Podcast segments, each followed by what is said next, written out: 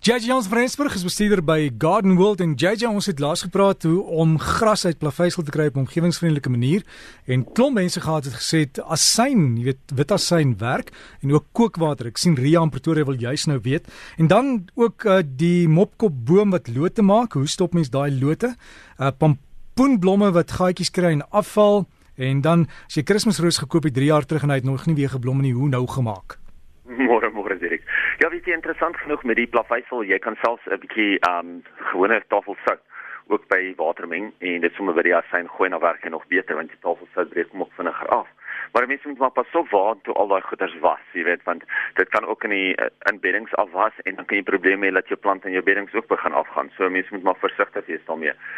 Kom ons begin gou. Jy praat van die pompoenblomme wat afval. Ja, hulle kan wel deur 'n pompoenvlieg gesteek word en die pompoenvlieg kan maak dat hy afval. Hy kry baie keer kry hy ook 'n blomknop vrot of 'n vrugstingelvrot en dan is dit 'n fungus wat hom aanval wat hy ook afval. En ja, nie alle pompoenblomme gaan noodwendig vir jou pompoene gee nie. Jy weet baie keer baie baie van hulle is manlik en vroulik. Uh so mense moet maar versigtig wees daaroor. Ja, JJ, ek weet die, die mannetjies blommetjies is hulle nou hulle werk gedoen het. Ek het nou 'n boodskap hier gekry van Cornelius wat sê dan val hy af, né? Sê my pas op. Jy moet altyd pas op. ja. Uh kom ons kom, kom gaan terug na die mopkoppe toe kyk as daai nuwe groei as hy nuwe lote uitstoot oral op die plant, is dit gewoonlik waterlote. So wat 'n mens moet doen is jy moet deur gaan en eintlik daai waterlote probeer afbreek en nie afsny nie. Baie keer maak mense die fout om die waterlote af te sny, maar sodra jy die waterlote afsny, dan bevorder jy eintlik nuwe groei. Waar as jy die waterlote afbreek, dan inhibeer jy nuwe groei. So probeer eerder om daai waterlote af te breek en dan weet jy dat jy nie daai probleem gaan hê nie. Ek weet mense het baie keer het jy die probleem dat hy op die wortels oral opkom, maar dan is dit fisies iets wat jy maar moet uitspit. Jy kan ongelukkig niks anders doen nie. Laaste enetjie wat jy gevra het was die Kersrose. Kersrose gaan nie vir jou blom as hy nie genoeg lig kry nie. Dit is die grootste probleem hoekom Kersrose nie blom nie. Hulle moet genoeg lig kry. Hulle moet ook nie te laat in die seisoen gesnoei word nie. As jy Kersroos snoei na die 15de Julie dan gaan jy nie uh, hierdie jaar blomme kry nie. So jy moet maar altyd pas op om hom te laat te snoei en maak seker dat hy genoeg lig kry. Natuurlik as hy laatmiddag vol son kry, is dit die beste vir hom want dan blom hy op sy mooiste. Dirk, laas week het ons gepraat oor die plant van die week voordat ons hierdie week uh ek weet ons het hierdie week 'n kort tydjie. Kom ons praat gou oor die plant van die week. Uh laas week het gepraat oor die plantbygou Cape Royal en dit is die blou syfelbos en dis daai ongelooflike mooi donkerblou plantbygou. Hierdie jaar, ag hierdie naweek wil ek graag praat oor die Agapanthus Great White. Nou al die agapanthus is op die oomblik in blom of het nou net geblom, maar die great white staan uit bo almal van hulle. Hy troon uit bo almal van hulle. Hoekom? Hy maak ongelooflike mooi groot koppe blomme. Hy maak dubbele blomme aan die binnekant van die blom. Gaan jy sien kom maar nog en nog en nog blomme uit. Hy blom ook herhaaldelik. Waar baie van jou agapanthus se blom net een keer 'n seisoen en dan s'hulle klaar geblom, kom die kom die great white en hy blom sommer vir jou verskeie kleure, verskeie kere. En dan moet jy onthou dat hy maak ook pragtige donkergroen blare.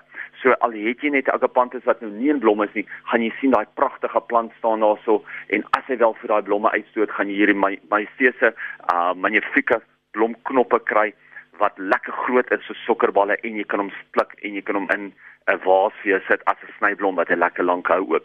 So gaan kyk bietjie uit vir die agapanthus great white. Meeste van die kwekery het hom op die oomblik want hy is nou in blom. Ons moet nou kyk na ons Desember voorbereiding vir ons tuine en weet jy Derek ja, daar's soveel mense wat eintlik alles al hulle tuine agterweë laat as hulle weggaan. Hulle vergeet om iemand te kry om net vir hulle die gras te sny, net die beddings mooi te hou, die rande te sny en die tuin net effens in orde te hou. En dan kom hulle terug en dan staan die gras kniehoogte en dan dink hulle o, hel, wat nou? Dan sny hulle eintlik hulle gras dood. So maak seker dat jy iemand kry wat jou nou net kan help. Al is dit net ten minste een keer 'n week, een keer elke 10 dae, net om iets in jou tuin te doen, net om jou tuin vir jou effens skoon te skoner te maak sodat hy ook mooi lyk.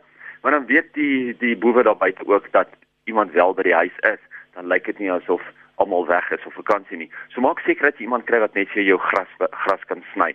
Dan moet jy kyk na jou besproeiing. Ek weet in die binneland kry ons nou geweldig baie reën en soveel mense het nie 'n reensensor op hulle besproeiing nie ek wil vir jou voorstel gaan kyk, gaan kry vir jou reensensor. Hy's baie maklik om op jou besproeiingsrekenaartjie op te sit en seker te maak dat as dit wel reën, laat jou besproeiing nie gaan spuit nie. Gaan ook in elk geval en verminder jou besproeiing as jy in die binneland bly waar ons nou baie reën kry. verminder jy besproeiing tyd, jou watertyd wat uitgespuit word as jy nie 'n reensensor het nie. Baie mense skakel ook hulle besproeiing heeltemal af nou oor in Desember, Januarie, Februarie maande wanneer ons nog lekker baie reën kry. So kyk eers, is dit regtig nodig om by besproeiing aan te los? As dit nodig is om hom aan te los, kan ek 'n reensensor opsit? Kan ek vir 'n buurman vra om vir my 'n reensensor te wees en om aan en af te skakel soos dit nodig is? Of moet ek eerder net om heeltemal afskakel dat gedurende Desember dat ons maar regtig op die reën gaan staatmaak en dat jou plante nog steeds kan floreer gedurende die somer.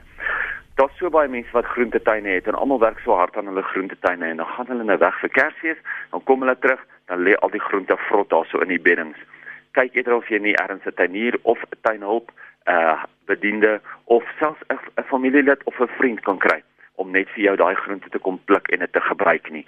Onthou as dit daarso net gaan lê en dit gaan net vrot word, dan gaan dit net al die ongewenste insekte, knaagdiere na jou huis toe bring.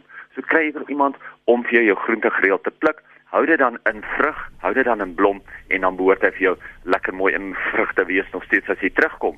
Jy kan ook nou kleiner saailinge plant van jou groente sodat jy net as jy terugkom, laat jou groente nog steeds laat die nuwe saailinge eintlik kan oorneem van die ouer plante wat uh, al klaar besig is om af te gaan aan die einde van die somer. En dan die laaste enetjie is mense wat baie potte het, skuif daai potte van die volson af net in 'n semi-skaduwee area in vir al die sien nou gaan weggaan en jy kan hulle nie vir die volgende paar weke nat gooi nie sodat hulle nog steeds 'n bietjie reënwater kan kry sodat hulle nog nie so vinnig gaan uitdroog nie maar kry hulle net weg uit daai brandende hitte uit want onthou ja, ons son raak baie warm. Al reën dit vir 3 dae en die son skyn vir 3 dae, in daai 3 dae kan dit verskriklik warm word. So maak seker dat jy eintlik net jou potte bietjie koeler hou. So gesels ons dan met JJ Jans van Rensburg van Garden World en uh, as jy wil kontak maak is hier by gardenworld.co.za.